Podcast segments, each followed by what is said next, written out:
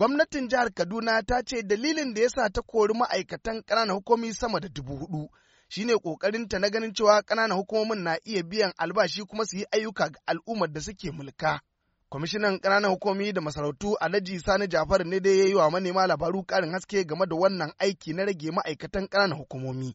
Gwamnatin jihar Kaduna ta zo ne da ƙuduri wanda yake kudurin kuma tun lokacin da ake kamfen mai girma gwamna duka garuruwa da ya shiga yana nuna cewa lalle ya zama wajibi gwamnati ta yi dukkan abin da ya ga ya kamata ta dawo da martaban jihar kaduna. A su ma'aikatan da aka sallama adadin ya kai bakwai a cikin ma'aikata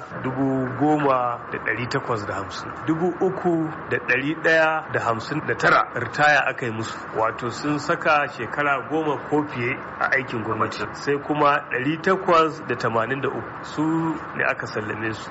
Su kuma za su sami albashin wata ɗaya da kuma abin da ake cewa gratuity amma ba su da pension. Fa'idanta shine yanzu duka ƙananan hukumominmu za su iya biyan ma'aikatansu albashi ba tare da an taimaka musu idan martaban ƙananan hukumomi ya dawo idan talaka ya san cewa ƙaramar hukuma lalle tana mishi aikin da ya kamata ta yi mishi shi kan shi yadda za su dinga hulɗa da ita zai canza a maimakon halin ko in kula da mutane suka nuna ma ƙananan hukumomi yanzu an fara samun canji. To sai dai ƙungiyar ma'aikatan ƙananan hukumomi ta ƙasa Nolge ta ce ba za ta taɓa amincewa da korar ma'aikatan ƙananan hukumomi a jihar Kaduna ba. Comrade Ibrahim Khalid shine shugaban ƙungiyar Nolgen na ƙasa kuma shi ya yi ƙarin haske ga manema labaru a jihar Kaduna. Yanzu matakin da muka ɗauka kamar yadda kuka sani tuni mun garzaya kotu neman kotu ta tsayar da gwamnatin Kaduna ta 'yan rafa'i daga wannan mummunan aiki da ta ɗauko. Kuma mun zo mun faɗa wa shugabanni na jiha da na ƙananan hukumomin Kaduna 23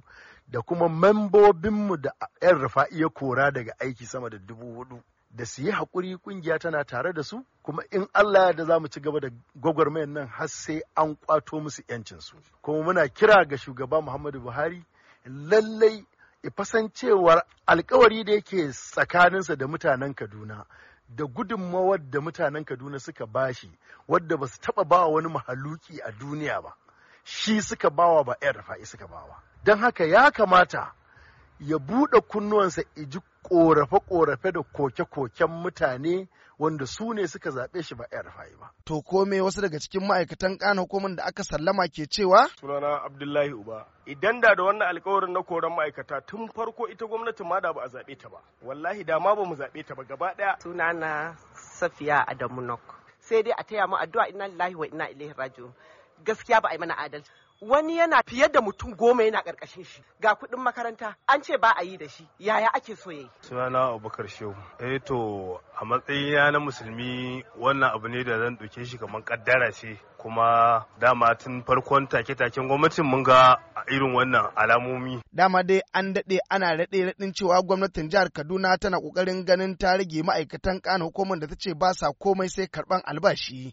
Wanda kuma a farkon wannan mako wannan abu ya tabbata biyo bayan raba takardun sallama ga ma'aikata da aka gani daga ƙananan hukumomi.